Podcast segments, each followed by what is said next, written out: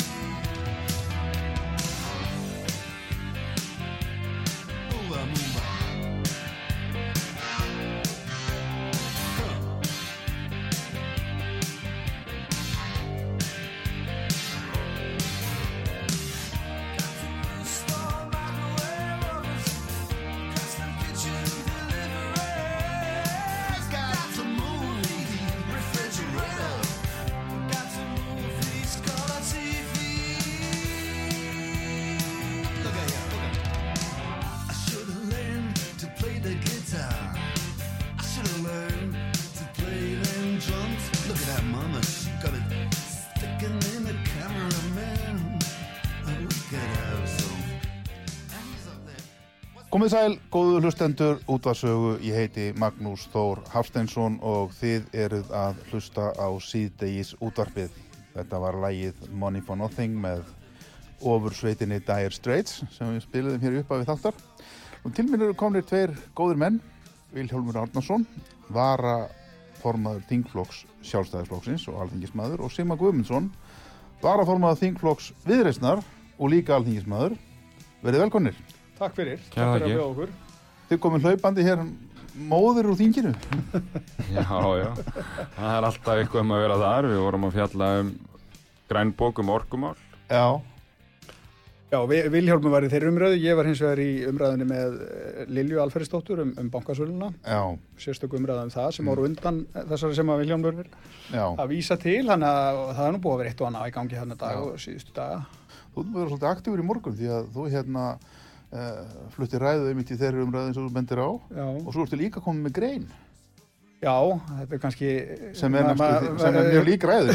Já, já, það hefur um að gera að nýta það sem maður skrifa. Já, ég var að hugsa ég las greinuna sem hann hefur að nýta sér þetta. Það, það, það, það er auðvitað þannig að við erum að halda ykkur á lofti og reynum að koma því auðvitað út til fólks. Alls hjá- En hins vegar hefur verið svolítið ga- gaman að fylgjast með því og það er auðvitað e, svona- gaman en mjög eðlilegt að, að viðbröðin við öllu sem að er verið að segja á þinginu að síðustu það hafa verið óvinni mikil og svona greinlega almenningur er meira að fylgjast með þingstórunum núna heldur en hefur verið frá því að ég byrja og það er auðvitað bankasalan sem gerir það að verkum sko. Þessi bankasala, ég held að þú hafi sagt einhverstað að hún væri stórslís, Já. hefði enda út í skurði, sagður í morgun ekki. Hún er, þetta er pólitískur jarðskjálti, held ég að hljóta að vera með að við lýs síðan þessar skoðanakannir sem við erum að sjá. Mm Mhm. Frettablaði hefur verið að byrta bæði í gær og í dag, í gær í landsmálunum og síðan í dag í borginni, Mm. að fylgið virðist bara vera komið á helling treyfingu. Þetta eru vísu bara tvær kannanir, það kemur svo síðan gallupkornum sjálfs núna eftir helgina, fyrsta mæ, mánuðamótin eins og venjulega, það verður frólægt að sjá hvernig hún verður, en, en þetta er að valda tölverðum uslaviljónur, er það ekki? Jú, jú, og, og, og það er kannski einmitt það sem að, hérna, er kannski það sem er helst ef við farum úrskeiðis við bankasöluna er að ef við skiptum þessu upp í einhverju svona hluta, kannski aðalega tvo hluta, að það er frankandinu í söluna sjálfa hvernig tiltókst, víst, þetta er langt og mikið ferli sem að margir koma að og sem að er svona þessi fjármála gerningur að selja, selja bankan og svo er það hvernig gengur að upplýsa um það ferli og, og, og hérna og gera það þannig að ríkið traust á þessu ferli. Og þar er kannski annmarkarnir enn, svona meiri eða þar er kannski helstu annmarkarnir að, og það er alvarlegt mál og ég tek því alvarlega að það ekki tekist að gera traust um þetta því jú, við erum hérna vissulega er þetta mikið tilfinningamál og þetta eru stórar upphæðir og þetta er mikilvægt mál fyrir samfélagið að vel takist til og sé traust á fjármálamörkum, sé traust á, á ferli stjórnmálana og alltaf þetta sé gagsætt og annað slíkt. Og eins og stjórnarforma bankasýsluna saði á opnum fundi hjá okkur í fjárlæganemndi í gær að þá veist, baðst hann bara afsökunar á því að þeir hefði geta gert betur í að kynna þetta og upplýsa og svara spurningu strax í upphafi. Til þess að útskýra svolítið og, og, og skapa þessa svona allan að aukna sátt. Ég, ég er nú þannig að ég held að okkur hefur aldrei tekist að skapa fullkomlega sátt um sölu í banka svona stutt eftir bankurhund sko. það, það er bara eins og þegar ég var í lauruglunni ég þurfti ofta að beita valdi því miður og, og, og veist, handtaka menn ég gerði það að ég tal allt hár rétt en það leiti aldrei vel út Þú ert í fjárlaganend. já, Var að, veldu stjórnaliðar aldrei því fyrir sér að býða nú aðeins með þetta og kannski fresta þessu fram yfir sveitjarsvotnarkostningar að selja hennar banka? Ef skeið kynni að, það, vissum allir fyrirfram að salan yrði umdeild. Að, Já. að, að koma með svona bombu rétt fyrir kostningar er ekki mjög klókt eða hvað? Sko, nei, það er kannski ekki það klókast á, auðvitað hefði það kannski bara verið þægilegast fyrir okkur að býða bara fram með kostningar og, og hérna allt það, en þá hefðu við ekki verið ábyrg stjórnvöld, sko. Við, við, við bjóðum okkur fram til þess að taka erfiðar ákværin og tryggja hagsmunni og, og hér almennings og það er og við berum ábyrg á þessum 20 miljardar eign og yfir 100 miljardar eign sem að Íslandsbanki er í eigu skattgreðenda og það er komið stríð í heiminum, það er mikið að gerast að fjármálamörku um annars líkt þannig að það er ábyrra hlutur að leifa fjármálamörku um heimsins að fara á hættulegri staði bara því þú vilt ekki tapa fylgi í kostningum sko. en svo skulum við hafa annar hreinu og þetta er í stjórnarsáttmálanum það var byrjað hérna að fjalla um þetta í januar og annað, þannig að þetta átti að vera mikið, mikið fyrr. En þingi tók sér lengri tíma til að svara brefi fjármálaráðherra og allt þetta. Þannig að, þannig að, að, að ferlið kannski dróst töluvert frá því sem að hérna uppálega lagt upp með sem að en stjórnvöld gáttu eða bankin gætt greitt út arð áður en að þetta var selt svo var þetta selt. Við fengum miða við allar aðra sölur sem að fóru fram sömu dag á sambarilegum fyrirtækjum annað í kringum þetta. Þá hefnaðist útbóðið fjárhagslega vel fjárhagslega og markmiðslega síðan hefnaðist útbóðið mjög vel. Og en, en það er þetta veist, þessi, þetta kynningaferli og skapa þess að traust og sáttum ferli það, það er þar sem við erum að sjá annmarkana. Sigmar, Já, ég, ég, ég ætla nú að fá að gera alvarlegar aðtöðasendi við það að, að, að, að 80% þjóðarinnar séu uh, brjáluð eftir þessa sölu og að fylgi sé að tætast af bæði oddvitum stjórnarflokkana í traustmælingum og svo fylgið af uh, stjórnarflokkonum í venjulegum skoðanakönnunum. Eh, Það er ekkit út af því að kynningamálinn klikkuð eitthvað aðeins sko. Það er náttúrulega bara vegna þess að framkvæmdina þessu var ekki lægi og, og Vilhjálmur skiptir þessu svona upp í tvo hluta. Ég vil skipta þessu upp í þrjá hluta. Þetta er, þetta er framkvæmdin hvernig hún liggur hjá sölu ráðgjóðunum og fyrirtækjunum sem sáum það. Þetta er bankasíslan sem er þá annar hluti.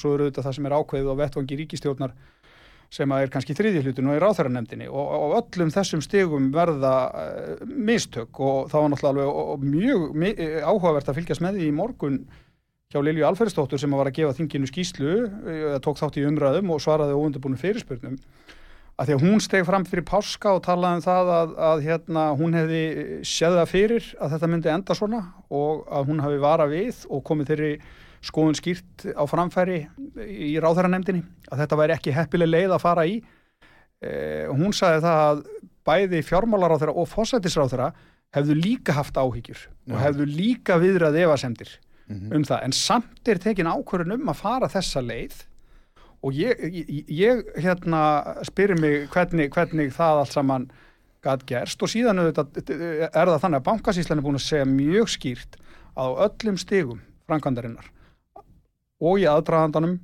og á meðan á sölunni stóð þennan sólarring að þá voru stjórnvöld upplýst um öll skref uh, allan tíman, alltaf. Þetta hefur verið alveg skýrt hjá, hjá bankasýslunni.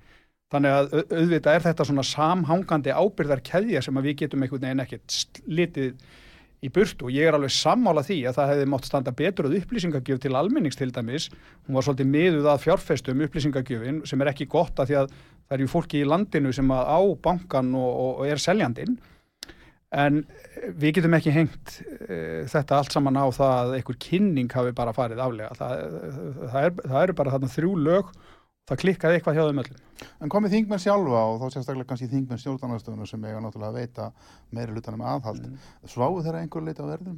Nei, þeir uh, skrifuð inn í sín nefndaráli þegar málinn voru þarna til umfjöllunar Mm uh, uh, alls konar fyrirvara uh, það voru nú tveir flokkar þó að minn flokkur hafi nú ekki verið eitt þeirra sem að setti nú þann fyrirvara þeir vildi ekki sjá að, að Bjarni Benediktsson sæju um söluna yfir höfuð uh, hins vegar er það þannig að þingmenn stjórnarflokkana þeir vilja einhvern veginn orðið núna nokkrir uh, hengja þetta svolítið á, á, á nefndin þeir í þinginu, það er auðvitað alveg Já. frálegt vegna þess að þetta, þetta uh, var alltaf kynnt með þeim hætti að það gatt engan órað fyrir því að við værum með leið í höndunum sem að ráþeirarnir sjálfur hefðu efasemtur um og hefðu áhyggjur af og við gátum aldrei séð það fyrir að það er því selt í, svona litlum hlutum, menn voru að kaupa hérna fyrir miljón, tvær, þrjár, Mhm. fá afslátt, ég menna við þekkjum þetta, það eru auðvitað búið að margtekja þetta.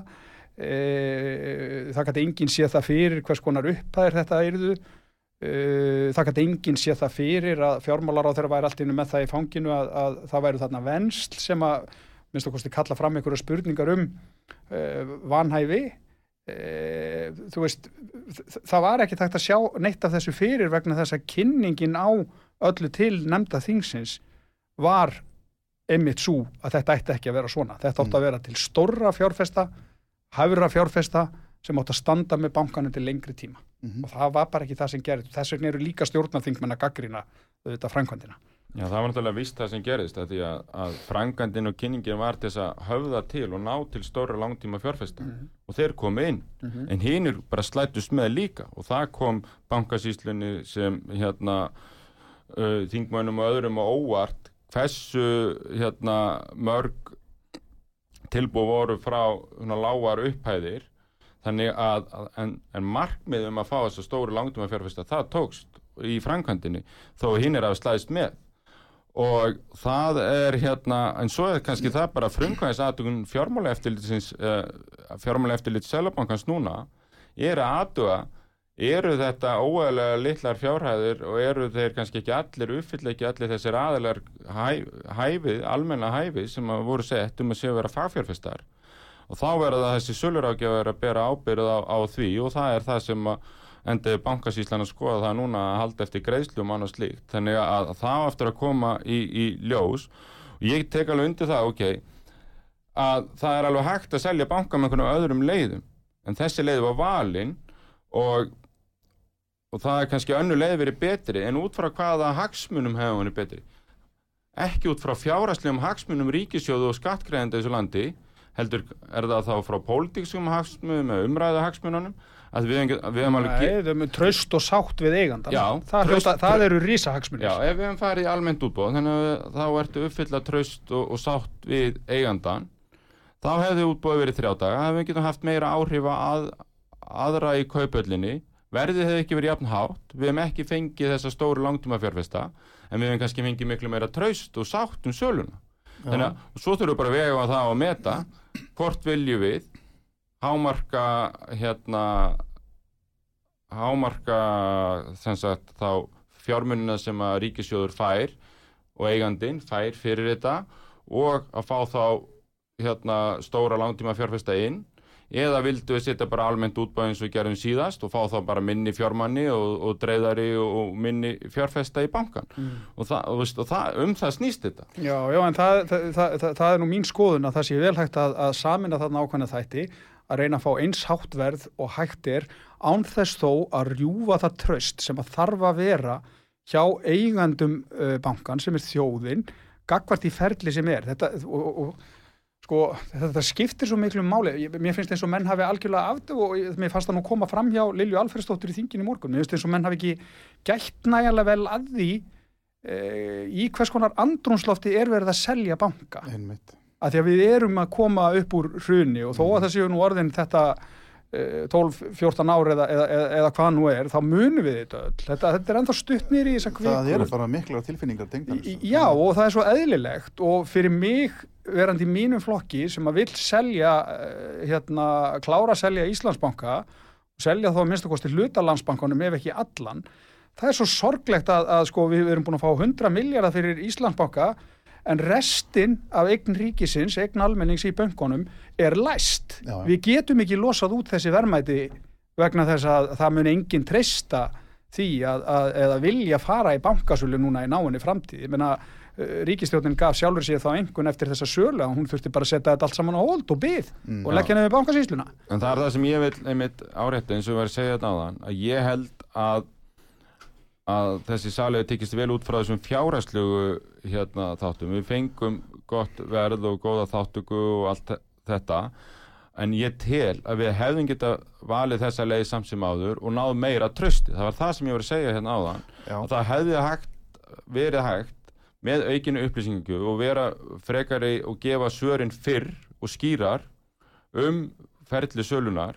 að það hefði geta aukið tröstið á þessari sölu en, en fullu trösti held ég sé erfitt að ná við sölu banka svona stutt eftir bankar Já, fyrra útbóði gekk miklu, miklu betur. Já, en það var samt það- ekki fullt tröst eftir það Nei, og ég, ég held að það sé út af fyrir sig alveg rétt hjá Vilhjálmi að, að það, það eru þetta líka bara stór hluti þjóðarinnar sem að vill ekki selja fyrir það fyrsta. Það er ákveðin hluti þjóðarinnar sem vill selja og það er ákveðin hluti þjóðarinnar sem vill ekki selja. Já, já. Og uh, menn horfa líka einmitt í bankahrunið í því, því samengi. Það held ég sé nú svolítið mótandum Mhm. afstöðu almennings. Uh, ég er endar í hó- hópi þeirra sem að vill, finnst ekki rétt að, að að ríkið eigi svona mikið í böngum, þetta er bara áhættu samur rekstur, hann verður alltaf áhættu samur áhættu samar eftir því sem að fjármála tækni og fjármála þjónusta er, að- er að breytast og, og hérna þó að bankarnir hafa verið að skila góðum arði í ríkisjóð þá getum við ekkert stólað á það. Ég meina e, ríkið hefur áður átt í böngum í gegnum áratugina og það hefur ekkert alltaf verið þannig að það hefði verið mjölkukýr sko. Eins og, menn tekja þannig að þetta er áhætturekstur. En það er eitt sem að mér finnst líka svolítið áhugavert í þessu og það finnst mér líka svo fyrir eftir daginn í þinginu það er að ég, ég nefndi að þetta væri svona þryggja laga. Við erum með sölur ákjáðan og við erum með bankasýsluna og svo erum við auðvitað með ríkistjóðnuna sem ber hérna pólitísku ábyrð og markaði stefnuna og, og, og, og mótaði hana. E, við erum með fjármála eftirlitið sem er að skoða hérna söluröðgjafana og þann anga. Við erum með ríkisendurskoðanda sem er að fara að skoða e, bankasýsluna og vantarlega allt það. En það líkur alveg fyrir að ríkisendurskoðan er ekki að fara að skoða hérna pólitísku ábyrð mm. og við erum einhvern veginn búin að koma málum þannig fyrir í framhald af þessu 80% þjóðarinnar rósátt fylgi tætist að ríkistjóðnaflokkanum og allt þetta samt erum við að koma málum þannig fyrir að við erum bara að láta skoða tvö af þessum þremur lögum Já, það Ja. er ekki alveg á- ásættanlegt vegna, vegna þess að leiða mér að ég veit ekkert hvað kæmi út úr þeirri skoðun Viljámur og ég er ekkert að halda því fram að það kæmi eitthvað svakalegt út úr þeirri skoðun. En svo skoðun er algjört grundvallaratriði ef við ætlum að reyna að endurheimta tröstið sem glataðist. Það er eða að hinn pólitíska ábyrgð verði líka skoðun með lögformlegum hætti. Og ef að það kemur út með þeim hætti að það myndast aðeins meira tröst þá getum við kannski farið að huga því að selja áfram eignarhluti ríkisins í, í, í bönkunum. En við getum það ekki, við ríkið er læst með þennan eignarhlut núna út af vantröstun sem skapaðist út af þessari sölu og við Vilhjálmur erum alveg sammálum það að það er ekki góð staða Já, já, við erum alveg samanlega um það. Ég get tekið undir allt sem að Sigmar segir hérna, þessi þrjú lög sem hann nefnir og það, fjármála eftir þetta að skoða þetta og, og, og svo er hérna ríkisendur sko, sko hjá bankasýslinni og allt þetta. En við skulum ekki gleyma því, sko. Við skulum nú, hérna, og ég tel mig þurfa að minna oft á það hér í störfum þingsins þessa dagana, að það er bara eitt sem að skoðar hérna pólitísku ábyrgð. Það er almenningur í þessu landi. Kjósendur. Það eru kjósendur. Og við skulum ekkert gera lítið úr því. Þannig að svo pólitíska ábyrgð sem við stjórnmálumenn berum á þessu hún mun koma fram í næstu kostningum það er bara, alveg mánuður í þær. Og það er bara hálfum mánuður í og þær það var það sem ég vil langa einmitt til að spyrja þig að og ég fá hann að koma stað að hérna hverjar verða hinnar, sko ef við lí- lítum fram hjá þessum tæknilegu atriðum allum saman hverjar, hverjar verða, verða hinnar pólitísku afleðingar mun þetta bitna á sjálfstæðisfloknum í komandi sveitarstofnarkostningum ekki bara hér í Reykjavík heldur víðar? En sko ég held óneitanlega að, að, að þá er þetta ekki til þess að hjálpa í kostningunum en ég vil þá leggja áherslu á það að þetta er sikkort stjórnsýslustíð og þetta öfluga fólk sem er að bjóða sér fram fyrir sjálfstæðarflokkin hér um all land er að hérna, kom ekki nálagt þessari bankasýslu sittur ekki á alþingi nei, bankasölu. kjósendur hugsa Og- kannski öðruvísi. Þeir vilja kannski refsa flokknum já, og, en, og öllum stjórnarflokkunum þess Já, vegna þannig að ég held að sé hérna að það geti alveg skeið að sé einhver tengsl þarna á, á, á milli. En ég hef bara það mikla trú á frambjóðandu sjálfsaflokksins að þeir hafa sínt það í verkum sínum að það er mjög ábyrgur reksturinn þar sem þeir eru við. Það er mikil og öllu uppbygging og, og gengur mun betur í þeim sveitafélagin sem sjálfstæðsflokkurinn er völd. Þannig að ég held að íbúar muni bara kjósa hérna það sem er treysta best í, í sveitastundarkostningunum óhað þessu. Já, hálfa mánuð, kostningavélinn, þið þurfa að finna hana hinn alræmda kostningavél sjálfstæðarflokksins Já, sko, hinn alveg kostningavel sjálfstæðarflokksins er bara svo, svo öfluga hópur sem sjálfstæðarflokkurinn Já, er og þessi öfluga grasrót sem er og, og, og lýsir sig í því að, að hver vél er aldrei öflugur heldur en hestöflin og það er bara svo mörg hestöfli okkar vél Sigmar, Nú, þetta- nú, nú er þetta þannig þetta, hérna, að e, sko, það er stutt í sveitastómakostningar og e, núna má alveg eiga ráð, gera ráð fyrir því að, að næstu tvær vikunar eigi sveitastómafólki svolítið sviði, það er auðvitað búið að vera svolítið fókus á þinginu og bankasölunni og ríkistjórninu og allt þetta. Já. Það má alveg búast við því að, að núna fyrir við kannski að reyða sveitastómamál af uh, meira kappi. Hvenær eigið þið að fara En, í frí? en ég, ég held, ef ég, má, ef ég má ljúka hugsun minni, Já, Ég held að bankasalan, hún segir okkur það að flokkum er mísvel treystandi til þess að gæta almannahagsmuna umfram sérhagsmuna. mhm. Og það á við um uh, það hvernig menn umgangast völd, hvernig menn fara með eigur almennings, þá jafnvel við á sveitastöldnastíginu eins og á, á landsmálastíginu. Þannig að mér finnst vel hægt að skoða framgöngu stjórnarflokkana í þessu máli og heimfara það að einhverju leiti upp á, upp á þá í sveitastjórnunum vegna þess að Já, til að mynda í Reykjavík eru til uh, hérna, e- eigur uh, borgarbúa sem að vel, uh, það, sem að, að borgin er í samkeppnisreksti, það sem að vel mætti til dæmis hugsa sér að, að selja ef við bara nefnum þetta út frá því þannig, þannig að þetta áauðvitað eitthvað eftir að smita yfir á, á, á sveita stjórnarmálinu en auðvitað eru þar síðan mál sem að þurfast að komast Þá vil ég minna í þessu samhengi sem hann er að saka hérna um að sjálfstaflokkurinn hafi verið að selja hérna vinnum sínum í Íslandsbanka sem hann er að reyna að segja kjósendum hérna sem er náttúrulega algjörlega alveg rán að því að stjórnaranstaðan hvað er hún helst að skamma Bjarnar Benediktsson fyrir núna? Það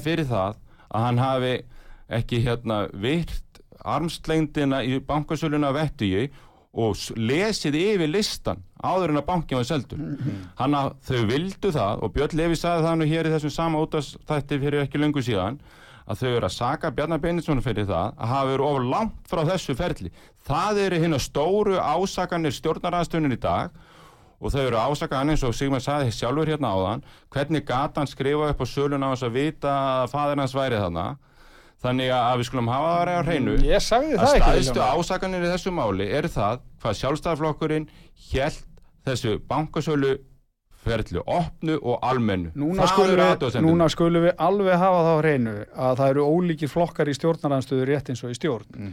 Og flokkarnir í stjórnaranstöðu ef menn nennan nú að, að, að skoða það eitthvað sko, að þeir nálgast þetta með sikkurum hætti þótt að allir séu þeir gaggrinir á söluna Já, og Vilhjálmur er þarna að tiltaka atriði sem að, hef, atriði sem að hafa nú ekkit verið neitt sérstaklega þungi í af hálfu viðreisnar. Við höfum verið að benda það með það þegar að, að fjármálar og þarf að fara yfir tilbúðin að einmitt ætti nálgunin frekar að vera svo að bankasíslan eða Bjarni hefði átt að spurja bankasísluna hvort að sé eitthvað í þessum lista sem hann þyrfti að vita af upp á hvort að mögulega gæti verið hæfi, kæmi upp spurningum manhæfi mm. eh, annað höfum við ekki verið að nefna í því. Ég er ekki þeirra skoðunar að Bjarni eigi að fara yfir listan og segja þessi má kaupa og þessi má ekki kaupa. Það er ekki andi þess regluverk sem við erum að búa við. Þannig að flokkarnir í stjórnarnarstöðu þótt þessi sammálum klúrið þá eru þau kannski svolítið, þeir eru ekki allir að gaggrina alveg sömu, sömu, sömu hlutina sko. Nei, svo, þetta- svo ég fái nú kannski alveg að halda, halda því til haga sko. það er nú nóg að gaggrina og menn þurfum nú ekki að vera sammálum það allt til þess að vera þó gaggrinir ég vil fá að spyrja það einu fyrir hlýja mm. Er að trostna upp úr ríkisjónarsamstarfin út af þessu máli? E, Já, sko, það, það minnst á kosti er mikill titryggur, við sjáum það, það eru auðvitað mikið óþól uh, á milli einstakra ráþeira þarna eftir þetta allt saman, það Mhm. blasir auðvitað bara við, ég meina við sjáum að, að sko, Bjarni treysti sér ekki alveg til þess að lýsa við stuðningi við Sigurð Inga eh, út af máluna á búnaðaþinginu og, og síðan á móti að þá treysti Lilja sér ekki alveg til þess að lýsa við stuðningi við Bjarna þegar hún veitti viðtalið þarna í Feneum uh, fór svona algjöra hjáleið í staðin fyrir að segja bara já auðvitað í stiðan ráðherrarnir treystu sér ekki til þess. Þannig að við tökum öll eftir núngnum á milli framsóknar og, og, og sjálfstæðisflokksins en hvort að uh, þetta risti það djúft að, að stjórnin springi, ég ætla ekki að spá neitt fyrir um það en við sjáum það, ég meina mát, þú veist, við, við höfum allir verið í pólitík á einhverjum tímapunkti Mm. þegar að til dæmis flokkar fá svona kannanir allt í einu, það sem að fylgi tætist af, tröstmælingar rinja auðvitað, auðvitað ríktir í stjórnarsamstærinu við slíkar aðstæður og, og því ráð þeirra vafki hafa svo sem ekkert verið feimnir við að játa og það, það er auðvitað bara ma- mannlegt og skiljalegt, ég meina þetta Þessar gekk sveita- illa Já. og það fer, í stað, fer að stað ákveðu svona blame game en er að kenna hverjum öðrum um og allt þetta. Og það bara býr til. Þessar sveitastöndakostningar eru alltaf nótnar alveg æsi spennandi. Já, ég, það er orðin spennandi. En, en ég vil nú bara segja það að, að ég er nú búin að taka, vera á þingi síðan 2013 og, og ég hefur nú fundið meiri skjált en þetta í stjórnarsamstarfi og, og finn ekki mikið fyrir þessu. Hins vegar sýnist mér að átökin inn að stjórnar anstöðun og reyna að einstaka stjórnaranstöðu flokkan að vera miklu meira gagvart bankasölun flokkarnir hérna viðrist píratar og samfélkingin kapp kosta hver getur tala hæðst í bankasölunni? Og svo innan samfélkingarinnar eru þarna þrýr, fjórir aðilar sem eru að kappkosta hvort þeirra er leiðtói í samfélkingarinn í málinu þannig að mér sýnist átökin vera meira í stjórnar anstöðinu heldur en að stjórnar heimilin út á bankasölunni. Já, já, þetta eru, það eru fimm flokkar í stjórnarnarstöðu og þeir eru þetta ólíkir og með sikkur áhersluna og allt þetta. En, en allir hafa nú náð, náð að saminast í því að gaggrina þetta svolítið hressilega en það er Sameinast auðvitað um- margt, er margt sem að er gaggrínivert og við höfum auðvitað fengið mjög kröftugan liðstyrk í þinginu frá stjórnarþingmönnum við að gaggrina söluna þóttir séu kannski ekki alveg sammála því að láta gaggrina ná alveg upp á topp, það er nú Mhm. eins merkilegt og, og það er. Þetta eru auðvitað titringur í, í kringum þetta mál, tölum bara alveg mannamál með það og, og, og stjórnarsamstarfið líður auðvitað fyrir þetta mál, ég meina það myndi líka gera það með aðra flokka í stjórn ef, að- ef, að- ef að svona gerðist. Það, það segir sér alveg sjálft, þetta er bara jarðskjöld, það er 80% þjóðarinn rosátt, auðvitað hefur það áhrif á fylgi í stjórn og stjórnaranstöðu og, og hérna bara svona allt til pólitíska andrúslótt og ég held að þetta mun að einhverju leiti smita yfir í sveitastunarkostningarnar, En- einhverju leiti en, en, en vi- við verðum að fara að leifa sveitastunarfólkinu að tala um þetta nærumhverfi sem að sveitastjórninar auðvitað uh, bera ábyrð á því að það er nú heldur betur mikilvæga kostningar, það er fólk að Já, mikilsverða hagsmunni Ég er alveg sammála, ég er alveg sammála Sigmar í því, að veist, ég kvenka mér ekkit undan umræðin um bankasölun og tilbúin að taka hana hvar og hvena sem er og alveg allt það en, en við verðum að gefa sveitastjórnastíðinu þá virðingu að fá umræðinu hérna einhver tíma fyrir sveitastjórnarkostningar og því er nú alþingi að fara í frí. En ég er alveg sammála Sigmar í því að auðvitað, við öll stjórnarþingmanninu við erum alveg að spurja spurningar, við viljum hafa þetta gagsætt, við viljum fá svör, okkur finnst alvarlegt að sé ekki traust á þessari sölu. Og við erum alveg ósátt yfir, yfir því. En það sem ég var að vísa til áðan með að þetta er svona moldviðuris keppni hjá stjórnarnarsinu hver næra að, að, að ná hæðsti því sko. Já, jú, Já, já. þetta er, þetta er Þetta er Áhugavert. Þetta er svona er bara pólitíkin. Já, Það er bara þannig. hún er ekki alltaf skinsanleg og, og, og, og framleiðin er ekki mikil nýra þingið þessa dagan allavega Nei. Já, við verðum að taka auðlýsingar hér núna. Hjá okkur eru Sigmar Guðmundsson og Vilhjálmur Árnason, þingmenn. Sigmar frá Viðreistn og Vilhjálmur frá Sjálfstæðisflokknum. Ég heiti Magnús Þór. Þeir eru að hlusta á síðdeis útvarpið við komum aftur eftir smá stund. Vilhjálmur þarf reyndar að fara núna, eða ekki? Jú, ég þarf að fara næsta mikið að gera hjá þingmannum þjóðarinnar. sem Ég þakka bara mál. kjalla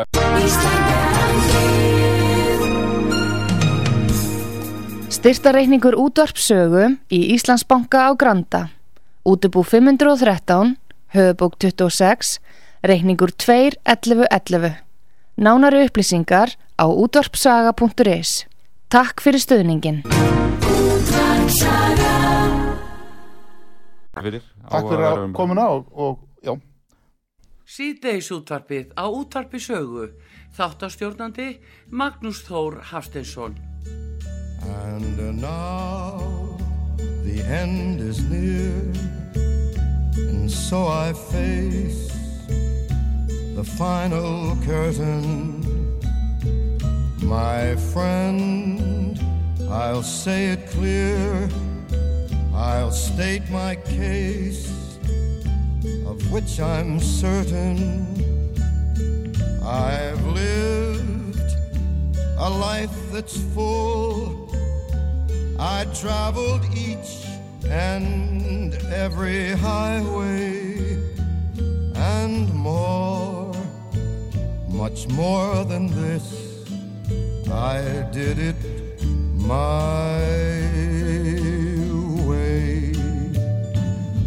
Regrets, I've had a few, but then again, too few to mention.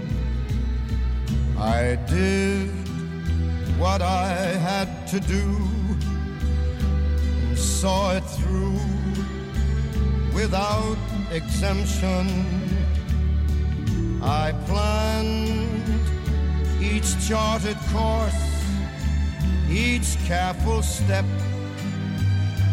along the byway and more, much more than this. I did it my way. Yes, there I'm sure you knew when I bit off more than I could chew. But through it all, when there was doubt,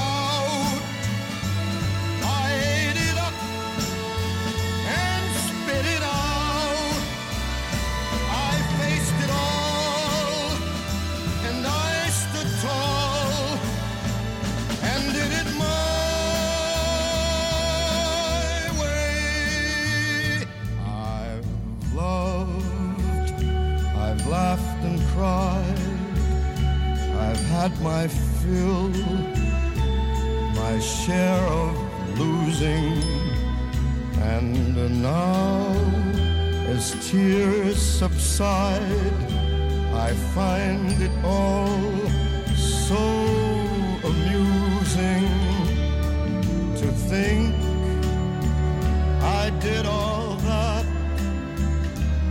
And may I say, not in a shy way, oh no, oh no, not me. I did it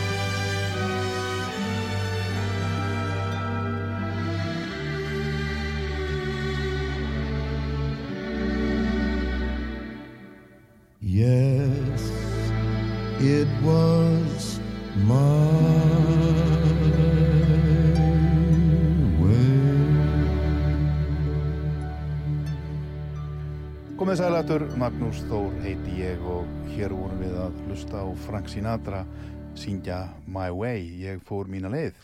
Sigmar Guðmundsson er hér enn hjá okkur, alþingismadur viðristnar og varaformaður þinglóks viðristnar. Uh, Vilhelmur Árnarsson þurfti að rjúka.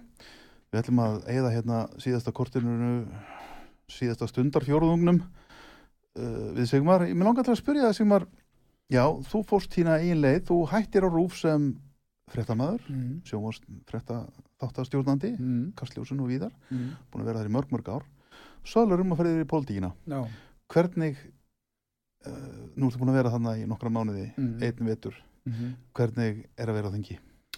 Heyrðu, já, það, það er auðvitað ónýttalega svolítið sérstætt að hafa verið mikið að vinna við að fylgjast með og fjalla um vinnustað sem að maður síðan lappar inn í sko. Já, þú varst mjög mikið í þjóðmálum ræðinu, stjórnmálunum og öllu saman Já, já, sérstaklega á þeim tíma sem ég var í Kastljósinu og svo var ég auðvitað í morgunútarpinu líka að fylgjast með þessu og svona uh, hér og þar sko.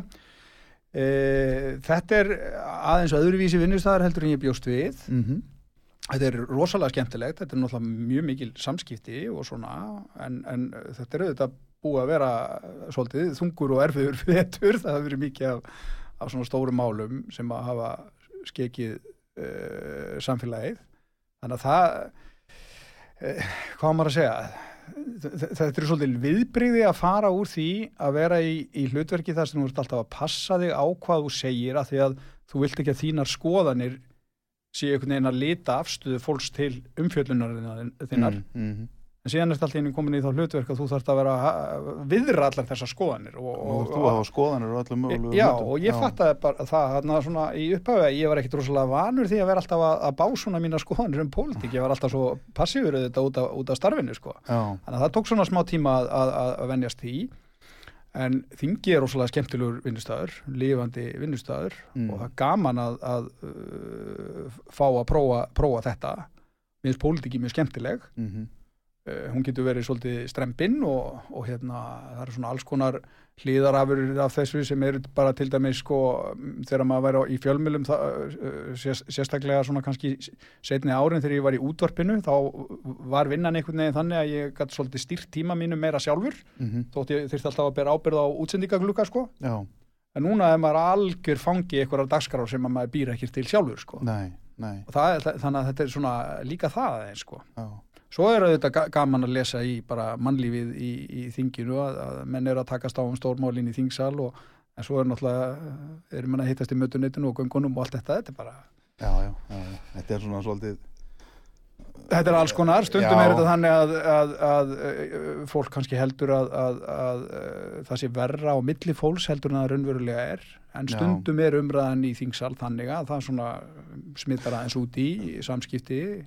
Er, en það er samt, eh, það ristir aldrei djúpt sem betur. nei, uh, þeir kvarta nú yfir því núna þeir stjórnanþingmi sem ég hef verið að ræða við hérna undanfarið sjálfstæðismenn sérstaklega Ásmundur Freyrisson nefndi það til dæmis hér núna fyrir nokkrum dögum Mm. uh, sjálfstæðisþingmaður að uh, hann kviði fyrir því að mæta nýri þing eftir páskafrí, það var það verið núna mánundaginn hann sagði það að umræðinu væri búin að vera svo erfið fyrir páska og það væri sko, það færi allur tímin í það að rífast fundastjótt fórseta, óundibúnar fyrirspurnir pex alla daga út og suður og menn væri ekkit almennilega að vinna í þeim málum sem þyrst að taka á, ertu sammála þessu?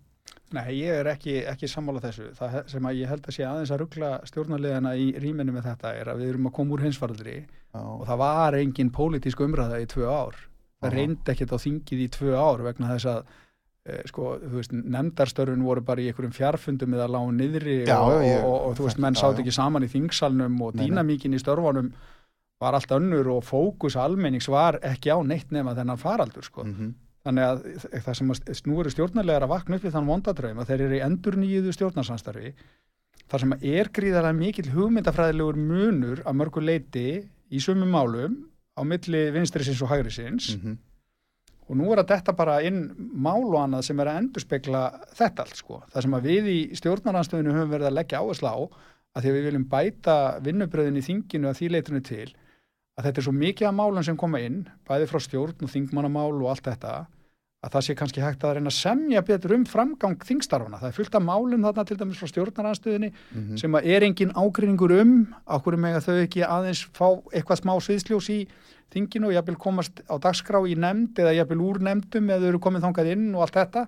Já, en það er bara ekki vinnandi vegur að ná neinu samkomiðlega þetta vegna þess að meiri hlutin og þetta er, þetta er gallið í íslenska stjórnmálamenningu meiri hlutin hefur alltaf tekið sér þetta meiri hluta vald vera með meiri, hlutan, meiri hluta í þinginu þeir eru með dagskrárvaldið að það, það á bara að keira á stjórnarmál og ekki neitt annað. Já, þetta er það sem það er, það er bara bjögun á líðræðinu vegna þess að þó að stjórnin sem er meiri hluta já, þá er fullt af öðrum málum þarna sem er mikill meiri hluti fyrir á þingi mhm.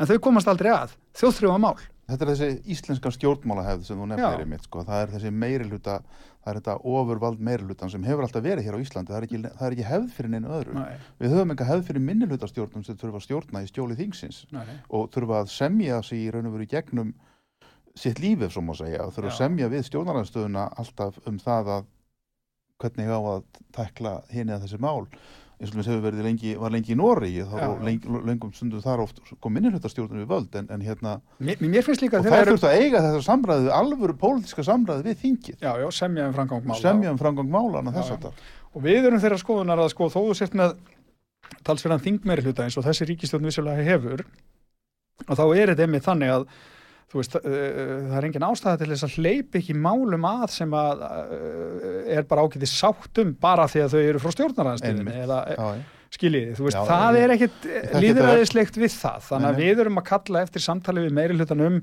kannski svolítið breytt verklag í- þessu og það er auðvitað ekkit rétt hjá ásmyndi að hann talar um eins og menn hafi ekki verið að tala ræðum fundastjóð fösseta eða, eða, eða að það hafi verið þetta, þetta samtal alltaf á milli stjórnarnarstöð og stjórnar. Mhm. þetta er ekkit nýtt, Nei, þetta er búið að vera svona alla tíð já, já. það, þetta er ekkit meira eða verra núna og ég veit alveg að ásmyndi líður ekkit eitthvað rosalega illa að mæti vinnuna eftir páska þetta er, þetta er ekkit nýtt þetta er sé ekkit nýtt mest í nöðsonum ánum ha, þetta sé meira svona Já, en ég menna við, þú veist, svo er þetta líka, líka þannig, ég menna, það koma stjórnarfrumvörp og þau fá kynning og umfjöllun inn í þingflokkum stjórnarleysins. Mhm. Það gerist ekki auðvitað hjá stjórnaranstöðinni. Þannig að við viljum auðvitað kynna okkur svolítið málinn í gegnum fyrstu umræðina þegar málinn fara inn í þing. Mm. Þar er stjórnarliðið yfirleitt ekki með okkur, sko. Og þetta er svolítið skrítin dýnamík, sko. Þetta, þetta á að vera eitthvað svona málstofa. Við viljum gjarnan fá alls konar rauk fyrir einhverjum sjónamiðum sem að við erum ósámála eða sammála eða hvernig það er, sko. Þannig að funksjónin í þinginu er orðin svolítið bara þannig að stjórnin ætlar bara að koma sínum málum að dagskrá, stjórnarþingmenn kom ekki nálagt þeim nema fylgja þeim eftir í nefndum mm. og svo bara er engin umræða fyrir einhvern tíman eftir dúk og disk. Þetta er ekki, ekki heilbrygt nei. Og, og, og, og hérna þannig að það eina sem þingmann stjórnaranstæðan er segir um það er að þeir hafa tekið alvarlega það hlutverk sitt að, að, að veita stjórnarmálefnum og öðrum málefnum þá sjálfsögðu virðingu að taka alvöru umræðu um þau í, í fyrstu umræðu líka áður en þau farið nefnd. Mm -hmm.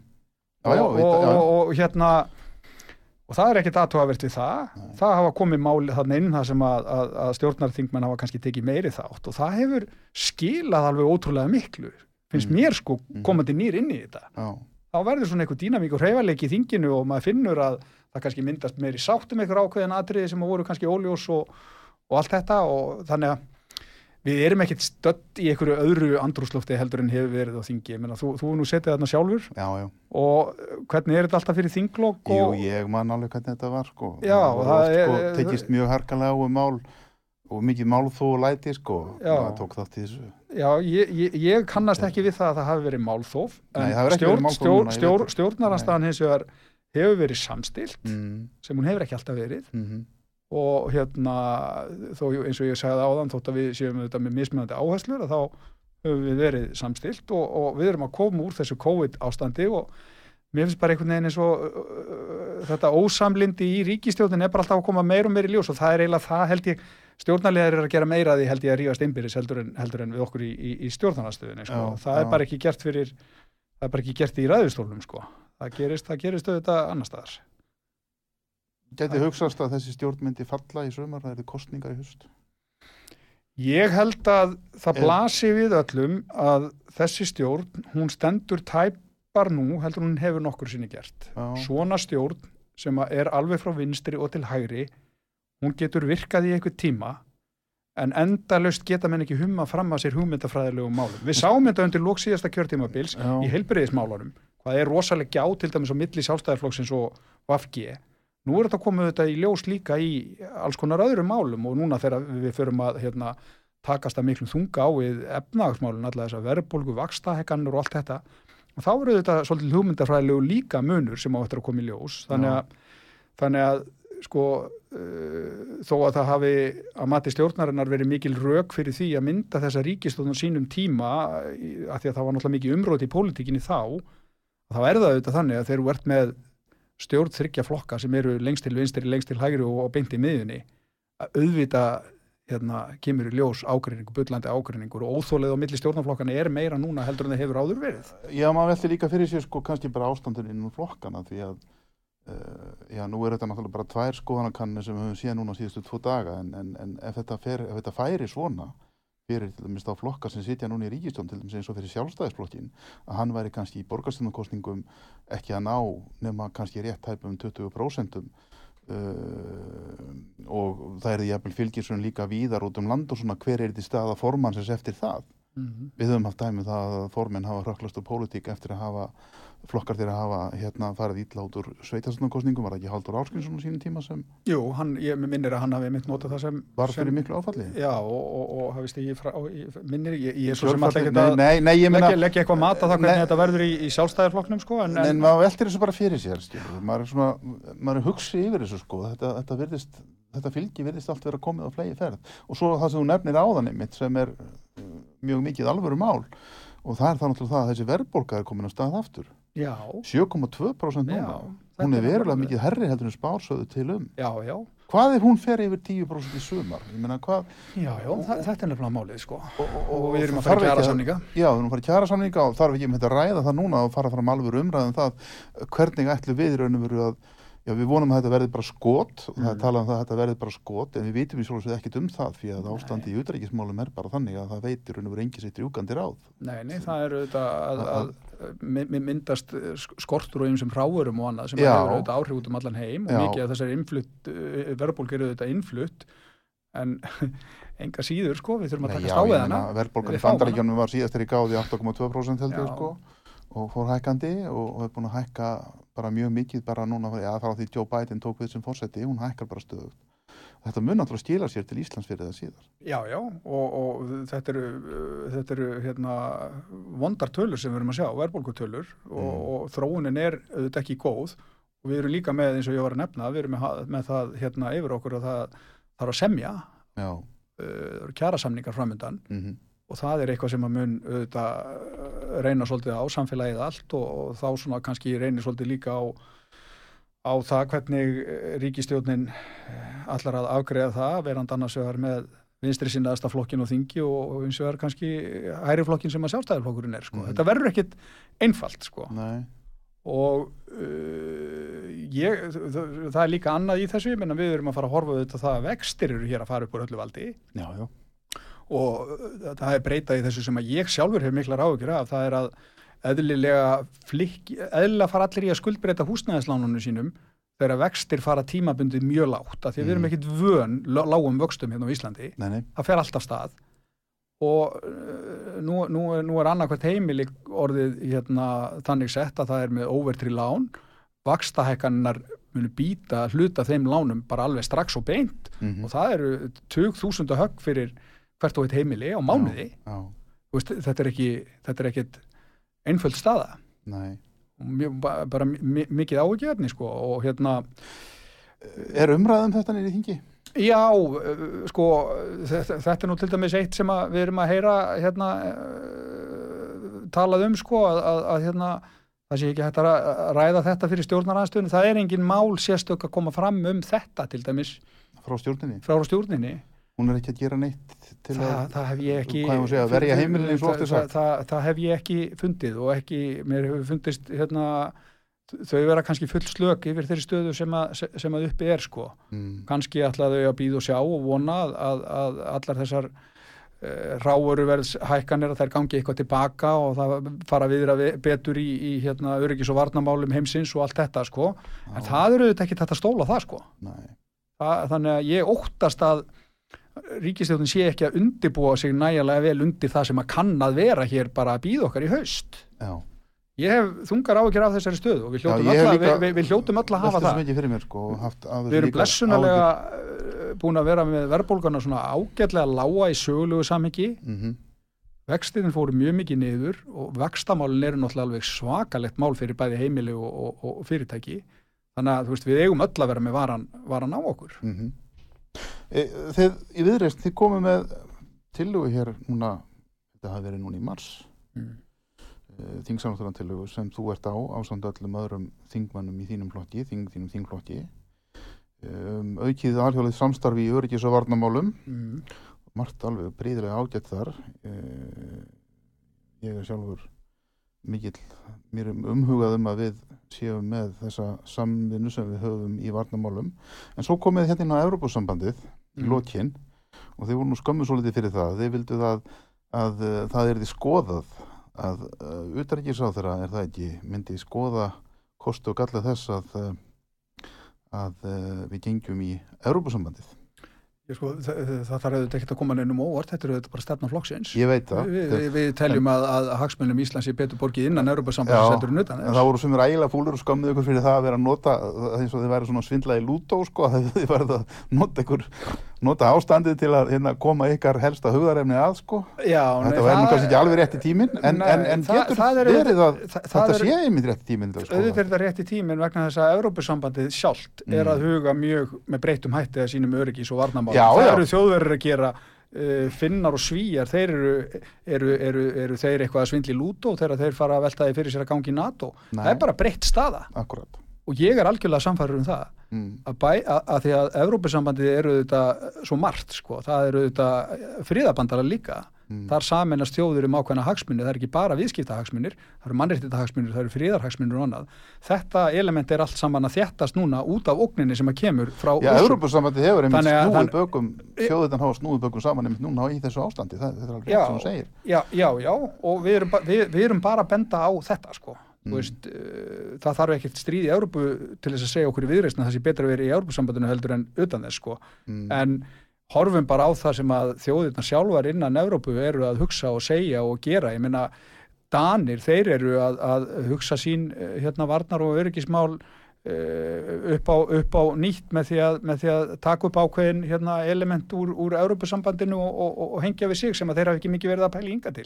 Þetta er allt á flegi ferð. Já, það er líka svo margt annað, sko, það er ekki bara örgismálinn sem eru komin að kóla, það er líka sko viðskiptamálinn, er að segja viðskipti milli þjóða. já, já. Við erum komin líka í sko viðskipta stríð og það er verið að beita þér viðskiptabönnum og alls konar takmörkunum og, og þetta er að þið raun og veru sko snúa öllum okkar mörkuðum til dæmis hér á Íslandi meira að minna á haus Mm. mm. mennur hættir að köpa fiskar rússum og, og þá breytast aðstæður á fiskmörkuðum og svo framvís og framvís álið er að stóræka í verði og, og verðist allt einhvern veginn, já, Já, ég, ég- ég, held að það hljóti að eiga sér stað og ég, ég, þú veist, það- er bara þannig, það á sér stað endurmat hjá öllum þjóðum, Mm. vestrænum þjóðum Mm. á því hvernig þau haga e, sínu alþjóðasamstarfi. Það er bara allir að endurmeta þetta. mm, Við Íslendingar hljótum að gera það líka og menn ekkert að veira sig við að taka þá, þá umræðu. Ég Meina, það er eðlilegt að menn skiptast í tvö hotnum það hvort að við um að vera í Europasambandinu eða ekki, menn þetta er bara hagsmunamat, menn sjá það bara með sér hætti. En það er algjör blekking Mm, að halda því fram að þegar að eru svona viðsjárverði tímar í, í alþjóðamálum að þá sé ekki einmitt tíminn til þess að huga að þessu. Menn geta skipst í tvö hotn um Mhm. það hvort að eigi að fara að þetta skrefið ekki mhm, en að það sé ekki einmitt mómenti núna til þess að ræða þetta. Ég, ég skil ekki hvernig er hægt að komast að þeirri eh, hérna, afstöðu að, að, að það að vilja fara djúft ofan í þessu umræðu núna sé eins og svindla í Lúdói sko. Nei, það, sjáu þið finna, sjáu þið Dani, sjáu já. þið, sjáu þið hérna Svíja, þetta, þetta endur maður á sér stað hjá öllum þessum þjóðum er sko, svo bara tökum við umræðin og sjáum hvert að leiður okkur en, en stefna viðreisnar hefur alltaf verið að ganga í Európusambandið og við bökkum ekkert frá henni og ætlum ekkert að fela það bara En- enga veginn. Látum það vera að loka orðið. já, Seymar Guðmundsson, alþingismæður viðristnar, takk fyrir komuna, gaman að fá þig. já, gaman að Gangi þér koma vel og hérna góði hlustundur, ég heiti Magnús Þór, þættinum lokið, Davíð Tæknimaður, takk fyrir hjálpina og takk þið sem voru þarna út að hlusta, fyrir að hlusta, verið sæl.